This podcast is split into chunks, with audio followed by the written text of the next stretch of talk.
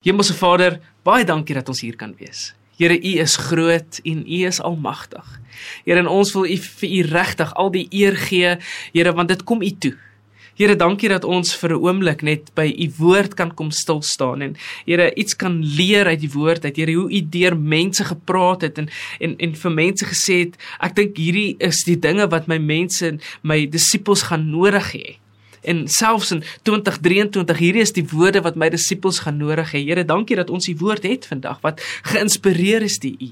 En my gebed is Here, mag ons iets ontdek vanoggend oor u woord. Here, mag ons iets ontdek van wie u is en wat dit beteken om om werklik vry te wees, ne? veral omdat ons Vrydag in in hierdie lang naweek vier. Here, wat beteken dit vir ons om om vry te wees in u hand en in u Vader en dat u ons red?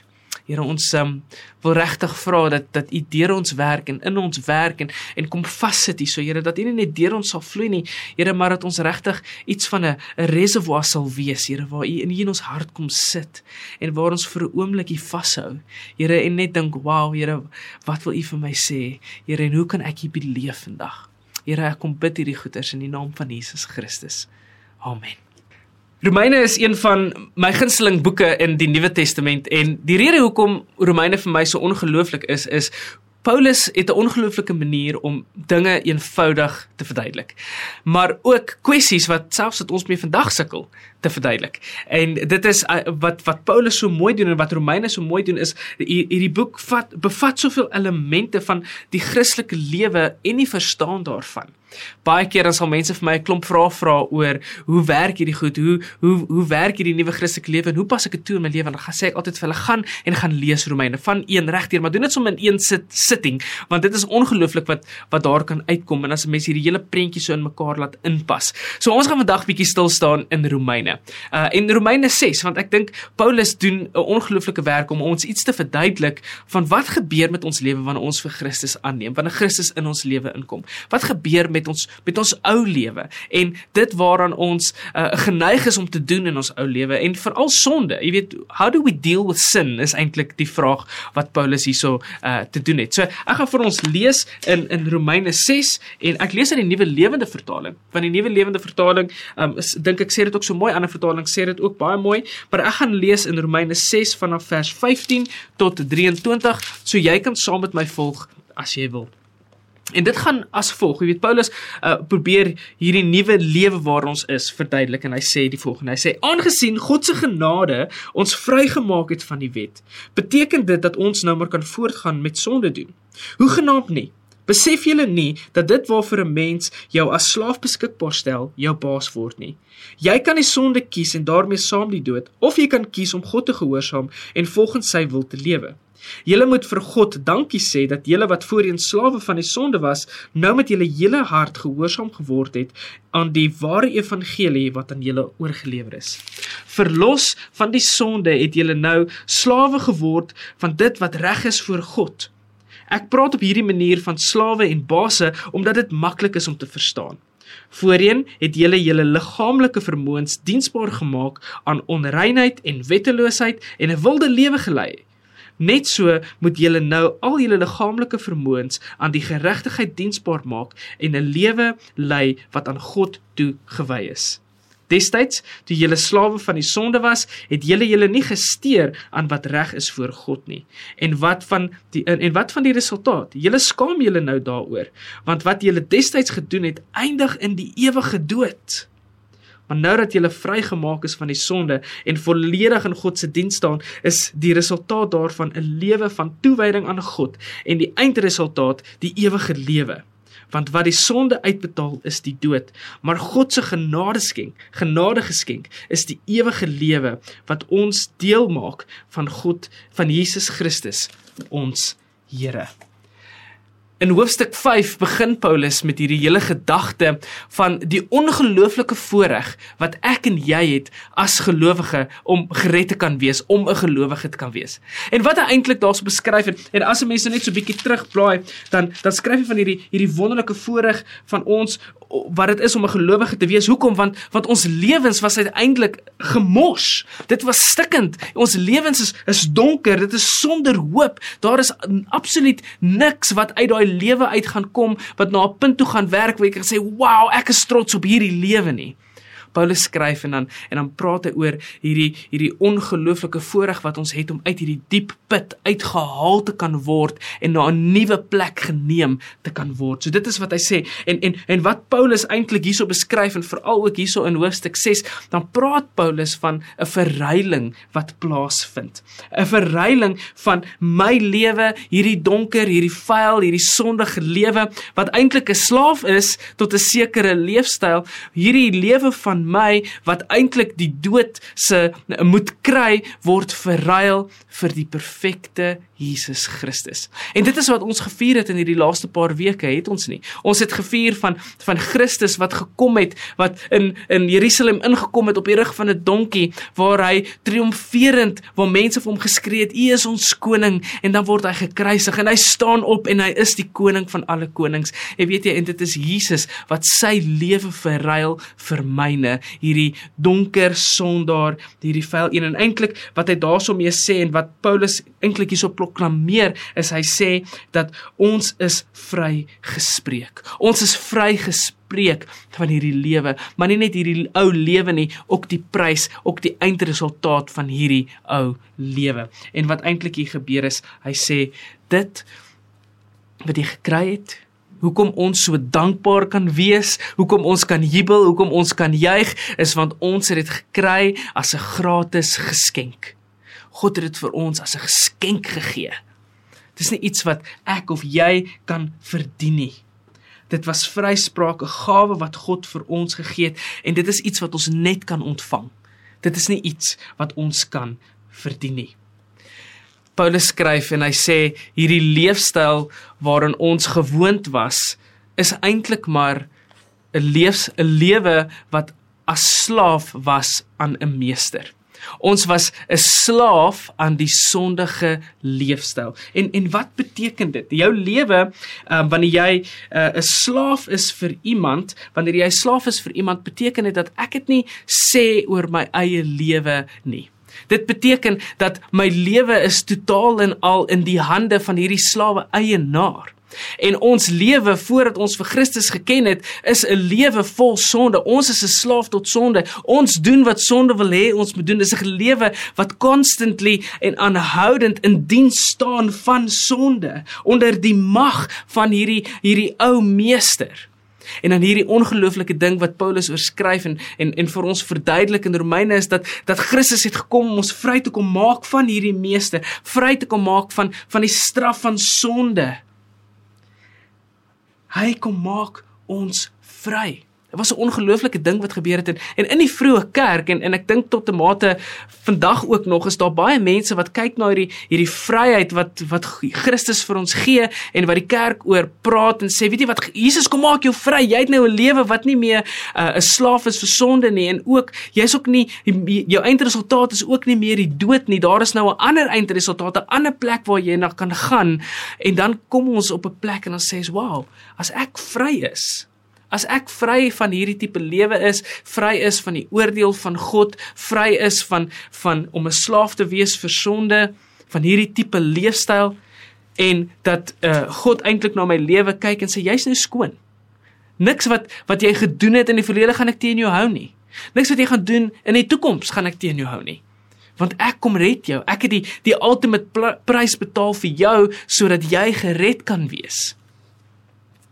En dan begin mense dink en en hulle sê vir mekaar, maar as dit die waarheid is, as ons regtig vrygemaak is, dan beteken dit dat ons kan eintlik mos maar leef soos wat ons wil. Dit beteken dat al sou ek sonde doen, dat God gaan net sê jy's gered my kind, moenie worry nie. Ek gaan nie jou straf vir hierdie sonde nie. Jy jy's gered, jy's my kind. Ek help jou en ek stap saam met jou.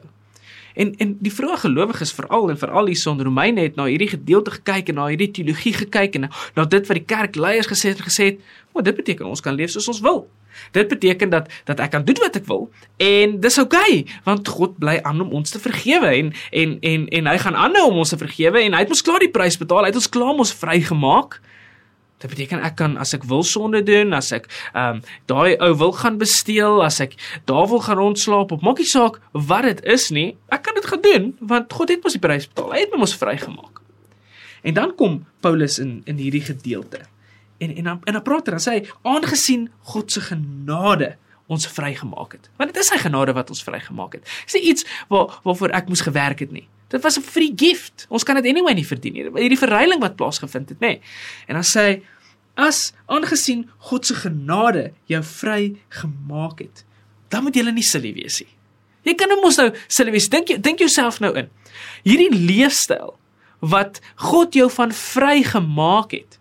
Dit was dit was 'n duur prys wat Jesus betaal het om jou vry te maak. Hierdie hierdie vryspraak wat jy gekry het om hierdie vryheid te verdien was duur. Hierdie leefstyl wat jy dalk nou lei, is mos nie een wat getuig van die prys wat Jesus betaal het nie. Dit is mos nie een wat inpas van van van uh, dit wat Jesus voor betaal het nie. En dit is wat hy skryf in in vers 16. Hy sê dat toe daar het hierdie hierdie reiling plaasgevind, hy sê besef julle nie dat waarvoor 'n mens jou as slaaf beskikbaar stel, jou baas word nie. Besef jy nie dat dit waaraan jy jou lewe toewy, jou baas word nie, jou eienaar word nie as te ware. En wat Paulus hierso sê, hy sê mense, ons is vrygespreek en um, daar is net twee meesters. En hierdie is twee uiteenlopende meesters. Jy het of 'n lewe wat ehm um, die sonde jou meester is, 'n wêreldse leefstyl waar jy jou lewe toewy aan dit wat belangrik is vir die wêreld, dit wie jy is en dis eintlik wie jy was voordat jy vir Christus geken het basically. Dit is dit is wat Paulus vir hierdie mense sê. Hy sê dat dit wat julle gedoen het, dit julle julle natuurlike inclination om sonde te doen om dit wat verkeerd is te doen, daai gewone leefstyl. Dit is dit is wanneer jy 'n slaaf is vir sonde, as dit jou meester is. Dis dis die een die een opsie. Die ander opsie en dit is heeltemal uiteenlopend is om te sê maar jy is die die slaaf as te ware van 'n nuwe meester. En hierdie nuwe meester is God. En dit beteken dat jy nie dieselfde tipe goeders gaan doen nie want hierdie meester dink nie dieselfde as hierdie ander meester nie. Hierdie meester gaan vir jou vra om 'n nuwe lewe te lei, om nuwe goed te doen, om op 'n ander manier hom te volg, om hom op 'n ander manier half te bedien as 'n mens daai woord wil gebruik in hierdie hele verhaal. En en dan skryf Paulus hierso en sê jy moet kies.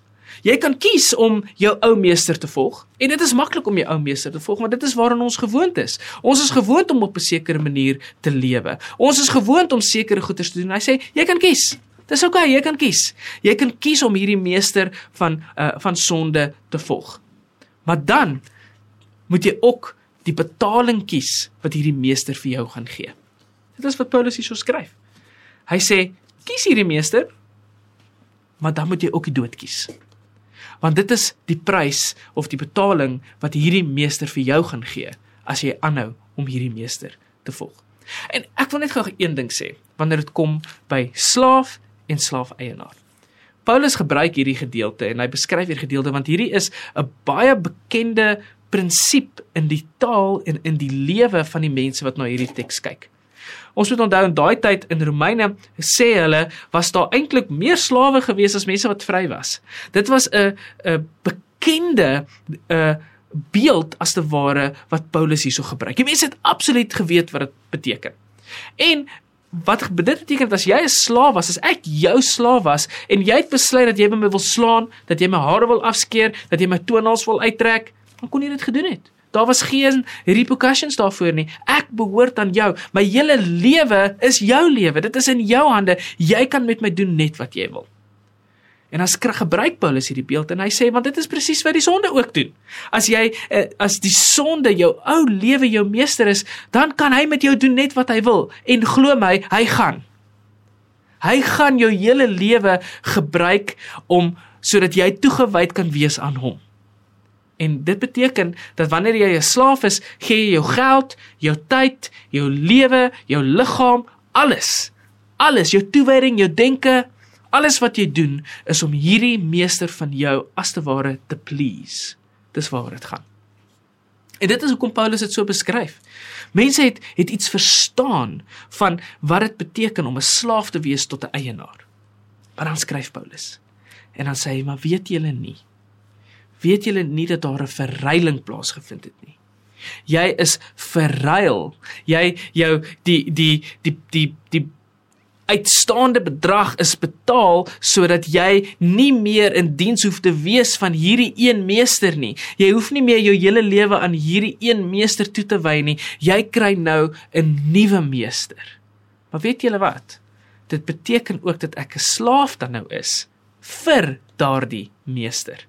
Dit beteken dat ek ook my lewe gaan moet toewy aan hierdie nuwe meester. Dit beteken ook dat ek my geld en my tyd en my liggaam en my hande en my voete en alles wat ek doen tot eer doen van hierdie nuwe meester. Want hy kan vir my presies sê wat ek moet doen en wat ek nie moet doen nie. Maar wat hierdie nuwe meester vir jou gee, is vryheid. Hy maak jou vry van wat? Hoekom vryheid? Hoekom is dit belangrik? Hoekom vrygespreek? Hy maak jou vry van dit wat hierdie een jou oomee vasgehou het en ook die ewige dood. Want dit is waaroor dit gaan. Net soos wat jy hierdie leefstyl kan kies, net soos wat jy uh kan doen wat hierdie ou meester wil gehad het jy moes doen en nog steeds doen en maar dan moet jy ook die prys van dood vat. Net so gee hierdie meester, hierdie nuwe meester vir jou 'n nuwe eindpunt. 'n plek waarheen jy toe werk. As jy mooi kyk in hierdie hele stuk in in in uh Romeine 6, dan beskryf Paulus, jy weet, die tipe leefstyl, dit hoe dit gebeur, waarna dit op pad is en wat die eindresultaat is. So hy hy hy beeld dit so duidelik vir ons uit. Daar is twee uiteenlopende paaie met verskillende eindresultate. Ek wil dalk ook net sê dat baie van ons kyk na ons lewens, ehm um, en ons kyk, "Sjoe, ek het nou vir die Here aangeneem, maar ek sukkel nog met sonde in my lewe." Beteken dit dan nou dat ek nog 'n slaaf is vir hierdie ou leefwyse, vir hierdie ou meester of is ek is ek regtig gered? Wat wat beteken dit as ek nog hier en daar terugval in sonde? Wel, wat Paulus eintlik hierso sê, hy sê dit gaan nie oor daai een of twee keer wat jy sondig nie. Want ons is ons is sondige mense by nature. Dit is dis eintlik ons gewoonte om hier en daar te sondig, om slegte goed te doen, om lelik te wees met iemand. Maar hy sê dit gaan eintlik oor 'n lewe wat ingestel is op 'n bepaalde leefwyse.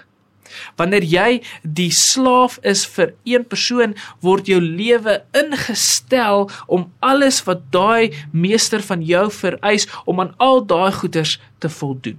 Dit is 'n ingesteldheid om 'n lewe te lewe wat eintlik die sonde oplig in jou lewe en alles wat jy doen is om vir die sonde quote on quote eer te gee. Alles wat jy doen in jou lewe getuig van die sonde wat jou meester is. Dit is 'n ingesteldheid. Dit gaan nie oor die een of twee keer wat jy sonde nie, maar weet jy wat wanneer jy 'n nuwe meester kry, kry jy ook 'n nuwe ingesteldheid om nuut en anders te lewe, 'n leefstyl wat en dis hy beskryf dit hierso, 'n leefstyl wat toegewy is aan Jesus Christus, 'n lewe wat toegewy is om hom te eer, om hom op te lig en om te getuig van die een wat jou meester is. En weet jy wat vir my eintlik baie mooi is van hierdie hele gedeelte is hoe Paulus beskryf dat jy word nuut. Jy is nuut gemaak. By hierdie reiling wat gebeur het, het het Jesus nie net vir jou gesê, "Oké, okay, jy gaan nou maar net aangaan nie." Hy sê, "Ek verander jou. Ek maak vir jou nuut." Hierdie teks beskryf ook iets van ons vir, wanneer jy nuut gemaak is en wanneer jy gered is en wanneer jy 'n nuwe eienaar het wat jy dien, dan beskryf hy ook ons verhouding met ons ou meester, ons ou leefstyl. Hy sê daardie verhouding wat jy gehad het wanneer jy vir Christus aanneem, wanneer jy sy kind is, wanneer jy 'n uh, 'n Christen is wat hierso in ons banke staan met ons hande in die lug en ons sing en ons sê ek is 'n Christen, het ek 'n nuwe verhouding met hierdie ou meester, hierdie ou leefstyl. En hierdie verhouding lyk heelwat anders. Dis nie 'n verhouding soos wat dit was nie. En ek dink dit is belangrik om te onthou baie kere dink ons, okay, ek is nou gered, Jesus het my gered, maar ons verhouding met ons ou meester verander nie. Ons ingesteldheid om hierdie meester te dien verander baie keer nie. En dit is waar Paulus skryf en hy sê dit kan nie. Julle is silly as julle dink dat dit kan. Ons ons word weggeneem. Ons ingesteldheid verander heeltemal as ons sê ek is eerder die slaaf van 'n nuwe eienaar. En my verhouding met die ou een verander. Ek kyk nie meer na hom nie. Ek gaan nie meer vir hom luister nie. En dis die ander ding. Hy sê jy kan nie twee meesters dien nie. Jy kan net een meester dien. Op 'n ander plek sê jy kan nie geld en vir God aanbid nie. Dit beteken jy kan nie jou ou lewe en die nuwe lewe gelyktydig voor luister nie. Vir wie gaan jy luister? Ons praat nou oor 2, dit kan 10 ook wees. Vir wie gaan ek luister? Imagine jy het 10 basse by die werk. En die een sê vir jou jy moet by daai deur uitgaan en die ander sê vir jou jy moet by die ander deur uitgaan en die ander sê vir jou jy moet dit so doen, jy moet so doen. Vir wie gaan jy luister? Vir wie gaan jy dien? Jy kan nie. Jy gaan die ander een disappoint. So jy moet kies. Vir watter een van hierdie twee meesters gaan jy luister? Want daar het 'n verruiling plaasgevind. En wanneer ek sê ek verruil my lewe, hierdie ou lewe vir Christus, dan is dit mos nou duidelik dat ek gaan moet duid, ek gaan moet luister vir God. En en dan sê hy as jy doen, dan gaan jy 'n lewe hê wat toegewyd is. Gelukkig is hy skryf hy beskryf dit in hierdie teks. Maar ook in 'n verhouding is met Jesus en ook die ewige lewe. Dit is wat hy hierso beskryf. Ek um, hou van wat in Kolossense 1 vers 21 en 22 en daar staan hy sê dat julle is julle is 'n nuwe skepping. Julle was julle was eens vyandig, julle het eens vyandig gestaan teenoor God, maar ek het julle nuut gemaak. Julle het nou 'n nuwe verhouding waarin julle lewe. En Kolossense verduidelik dit so mooi en en ek het hierdie prentjie in my gedagte gekry wat ek graag met julle wil deel. Dit is soos wat 'n um, persoon jou uh, 'n stuk yster het. Jy weet sien nie net 'n lekker lang dik stuk yster en, en hy gebruik hierdie yster om altyd iets net in te slaan. Dit is waarvoor hierdie yster gebruik word. Hy word ingeslaan en en hierdie yster het nou al begin uitgeweer geraak aan die kant soos wat hy hierdie yster inslaan en inslaan en inslaan en en dan werk en iets anders en dan soek hy die yster om in te slaan en hierdie yster is net so lekker dik stuk yster wat nou al begin roes het. En dan kom daar op 'n dag uh, 'n uh, nuwe persoon daar verby en hy sien hierdie hierdie stuk yster wat daar lê. En hy vat hierdie eyster en hy sê ek dink ek kan hierdie eyster anders gebruik. Ek dink ek kan iets maak van hierdie eyster om iets te beteken. Ek wil ek wil iets maak met hierdie eyster wat my kreatiwiteit kan uitbeeld in hierdie eyster. En ek wil hierdie eyster so maak dat hy iets kan uitbeeld aan wie hierdie eyster behoort. En dan vat hy daardie eyster. En dan begin hy daardie 'n stuk yster smelt. Nou dis nie altyd lekker om warm te kry en om deur 'n goeters in jou lewe te gaan waar jy jou vorm moet verander nie. Waar jy heeltemal 'n paar goeters moet opgee, 'n leefstyl waarin jy gewoontes moet opgee nie. En dan kom hierdie nuwe eienaar en dan louter hy jou. Hy maak jou skoon en hy maak jou suiwer. En dan kom hierdie nuwe eienaar en dan kom sit hy vir jou in 'n in 'n in 'n houer wat jou giet in 'n nuwe vorm en dan gooi hy vir jou in in daardie vorm. En dan begin jy daardie nuwe vorm aanneem. En dan haal hy vir jou uit uit daardie vorm uit. En dan hierdie een stuk yster wat net gebruik is om heeltyd hierdie spykers of wat ook al te slaan, het nou 'n nuwe vorm gekry, iets wat bruikbaar is. Kom ons sê 'n duif of 'n of 'n of 'n vliegtyg of 'n kar of wat ook al maak nie saak wat die shape is wat hierdie nuwe meester hom ingemaak het nie is hierdie hierdie stuk yster lyk nou heelwat anders maar nie net dit nie hierdie hierdie um stuk yster wat se vorm verander het getuig van dit wat sy nuwe meester gedoen het. Die nuwe meester het sy vorm verander sodat hy anders kan lyk en anders gebruik kan word. Dit is wat Paulus hierso beskryf.